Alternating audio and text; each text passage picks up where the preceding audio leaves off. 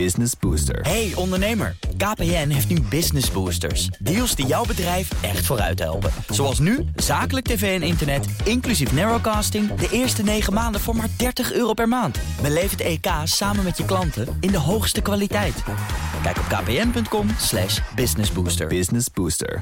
Martjan, jij hebt een fascinatie voor nutteloze bouwwerken. Daar wijden we deze uitzending aan. Mhm. Wanneer is volgens jou een bouwwerk nutteloos? Over wat voor soort uh, gebouwen hebben we het dan? Nou, er zijn eigenlijk uh, vier, uh, ja, vier eisen waar een gebouw moet voldoen wil het nutteloos zijn. Dat er dat, nou echt vier dingen die het kan zijn. Het heeft of helemaal geen nut nooit nut gehad.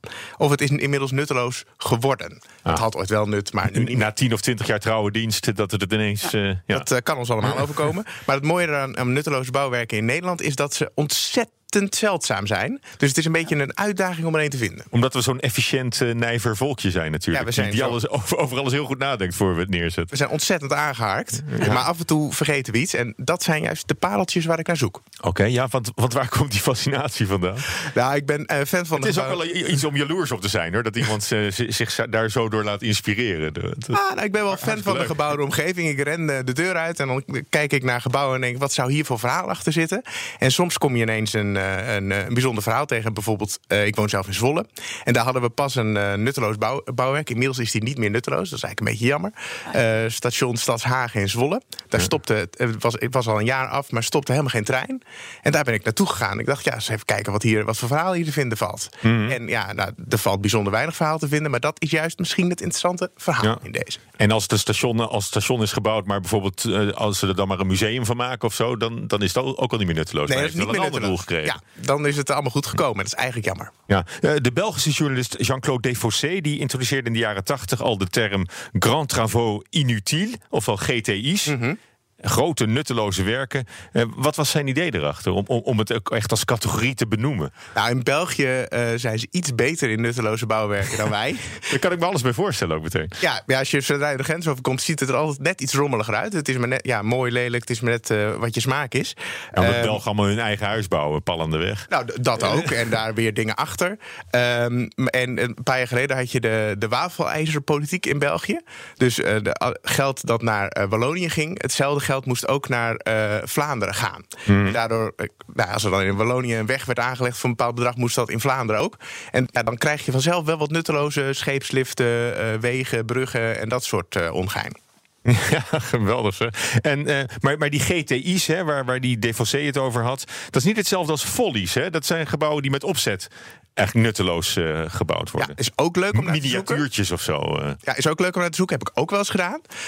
Um, maar uh, ja, die zijn met opzet nutteloos. En vaak ook niet zo in your face en enorm. Want dus, dus op jouw website komen die niet tegen? Dat, die komen we nou ja, op mijn, mijn persoonlijke blog wel tegen, maar niet in de categorie nutteloze bouw. Ja, want er is een standaardwerk hè, van historicus Wim Meulenkamp over, over. Hij is een beetje de, de internationale expert hè, op het gebied van, ja, ik ben van follies.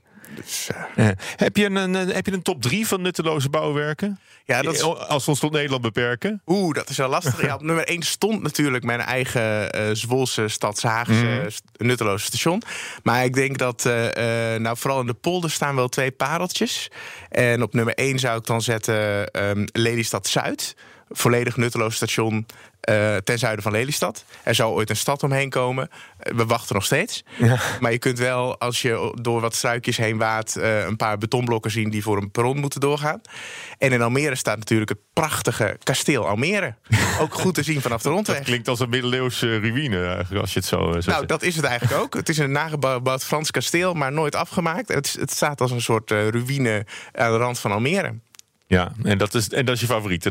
Dat zijn zeker mijn twee favorieten. Er liggen ook nog wat, uh, wat, wat, wat uh, tunnels in Amsterdam. Um, maar goed, ja, daar ben ik nog nooit geweest. ik heb geen idee hoe die eruit zien. Oké, okay, uh, Niek, heb je ook een favoriet? toevallig? Of, of hou je ja, er niet nee, zo mee bezig? Ik heb, ik heb, ik heb wel, wel wat meer Europese voorbeelden om te noemen. misschien is eerst ook een goede vraag. Ja, wanneer is nou een project nutteloos? Hè? Wanneer is nou nutteloos? Want je kan bijvoorbeeld over de HSL naar, naar mm. Brussel en Parijs zeggen... van nou ja, de maatschappelijke kosten zijn veel hoger geweest dan de baten. We kennen mm. de problematiek met de Vira. echter, we hebben er wel heel veel van geleerd als Nederland. Dus na, na die planningsramp is bijvoorbeeld die maatschappelijke kostenbaatanalyse geïntroduceerd. En die heeft heel erg veel zijn waarde bewezen. er zijn natuurlijk ook voorbeelden in, in de Europese context te bedenken dat je zegt, nou daar is ook helemaal niks van geleerd. Bijvoorbeeld de hoge snelheidslijn Albacete-Toledo in de buurt van Madrid. heeft miljarden gekost en uiteindelijk bleken er maar negen mensen per dag in te zitten. En na anderhalf jaar is die lijn ook weer gesloten. Dat is gewoon verbranding van, van miljarden Europees geld. En de Spaanse overheid lijkt er niks van te hebben geleerd. Want er worden nu ook hmm. in La Coruña zelfde soort uh, projecten aangelegd. En dan heb je nog natuurlijk de bekende geluidsschermen in Polen. En volgens mij 230 miljoen aan geluidsschermen bij een snelweg tussen Warschau en Berlijn. Waar helemaal geen huizen staan. Dus dat is gewoon. en ook daar, ook daar ik, heb, ik heb niet echt het idee dat er dan e-, echt van wordt geleerd. Dus ik denk dat dat echt puur, uh, puur en wezenlijk nutteloos is. Maar hoe, wat, jouw expertise, Nick, is juist uh, hoe je voorkomt dat een bouwwerk nutteloos wordt, zou je kunnen zeggen. Want ja. jij doet onderzoek naar de MKBA, de maatschappelijke kostenbatenanalyse. Uh, en die gebruik je dus voor, voor, voor dit soort dingen. Om eigenlijk vooraf vast te stellen van we kunnen hier die geluidsschermen neerzetten. Maar dat heeft misschien wel niet zoveel zin omdat niemand daarvan profiteert. Ja, je kan natuurlijk met een MKBA KBA kan je natuurlijk niet uh, dat helemaal voorkomen. Maar in Nederland hebben we vanaf 2000 de plicht dat voor elk groot infrastructuurproject, maar ook voor energieprojecten en digitale projecten, dat vooraf de maatschappelijke kosten en baten goed worden uitgerekend en dat dat naar de politiek toe wordt gestuurd. Bijvoorbeeld een project wat is voor, voorkomen daarmee is de Zuiderzee-lijn hoogsnelheidslijn van uh, Amsterdam mm. naar, uh, naar Groningen. Nou ja, daar bleek dat uh, de, de, maatschappelijke kosten twintig keer zo hoog waren ongeveer dan de baten. En dat eigenlijk het probleem dat zou moeten worden opgelost, namelijk het versterken van Groningen, alleen maar groter zou worden. Omdat heel veel mensen van Groningen naar Amsterdam zouden verhuizen. Dus dat is daarmee eigenlijk voorkomen. Er zijn vast toch wel Groningers die het heel jammer vinden dat hij er niet gekomen is. Ja, ik woonde toen in Groningen. Ik vond het heel spijtig inderdaad. Dus dat, dan is het nog een kwestie van perspectief ook nog of iets nutteloos is of niet. Dus je moet het voor de samenleving als geheel. Precies, precies. Ja, dat, we kijken dan niet alleen naar een, aantal mensen, maar naar de samenleving als geheel. Oké.